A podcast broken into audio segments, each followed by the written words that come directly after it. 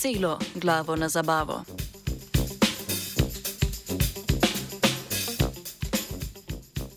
Ameriška znanstvena skupina je v novi študiji, objavljeni v reviji eLife, raziskala vlogo možganskih ovojnic ob traumatski poškodbi možganov.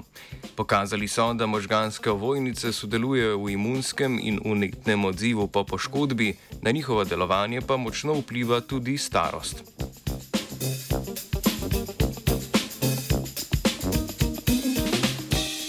Možganske ovojnice ali meninge so tanke plasti tkiva, ki obdajajo možgane in hrbtenjačo. Pomembne so kot mehanska in kemijska barijera centralnega živčevja, nedavne raziskave pa nakazujejo tudi na vlogo pri regulaciji odziva na traumatske poškodbe možganov. To vključuje vse možganske poškodbe, ki so posledica zunanje sile. Traumatske poškodbe možganov letno prizadenejo milijone ljudi, pogosto pa so njihove posledice mnogo hujše pri starejših posameznikih. Razlogi za to še niso dobro poznani, raziskovalci pa že nekaj časa špekulirajo o ključnosti trajanja unetnega odziva ob poškodbi.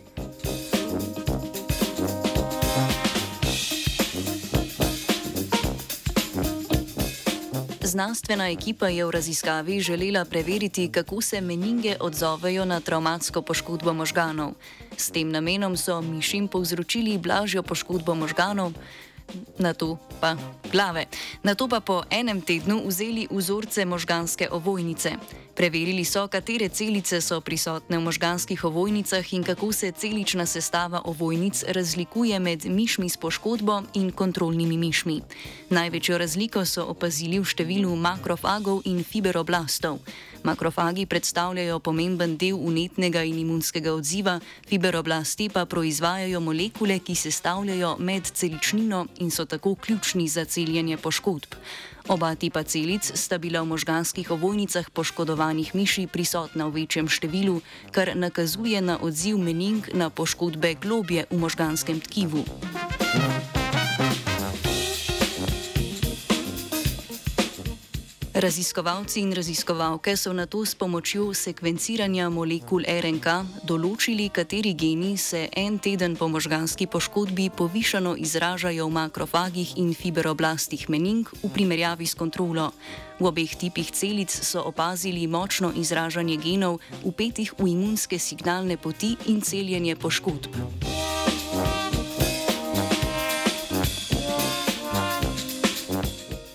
Nadalje so znanstvenice preučile še razlike v dolgoročnih posledicah traumatskih poškodb pri mladih in starih miših.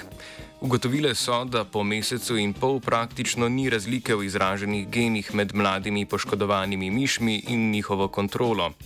Po drugi strani so imele starejše poškodovane miši v primerjavi s kontrolo iste starosti v celicah možganske ovojnice še vedno bistveno povišeno izražanje unetnih in imunskih genov. Raziskovalna skupina je prav tako opazila razliko med kontrolnima skupinama starih in mladih miši. Pri starih miših so bili imunski in unetni geni bistveno bolj izraženi, tudi ob odsotnosti možganske poškodbe, kar kaže na bistveno spremembo delovanja imunskih celic v možganskih ovojnicah s staranjem. Podaljšano vnetje in imunski odziv po poškodbi sta bila v preteklih raziskavah že povezana s slabim okrevanjem po poškodbi možganov.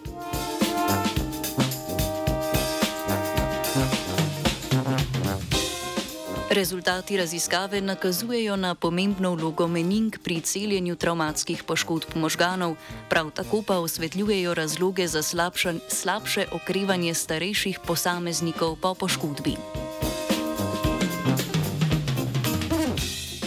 Vedno previdno headbanga Luka. Three.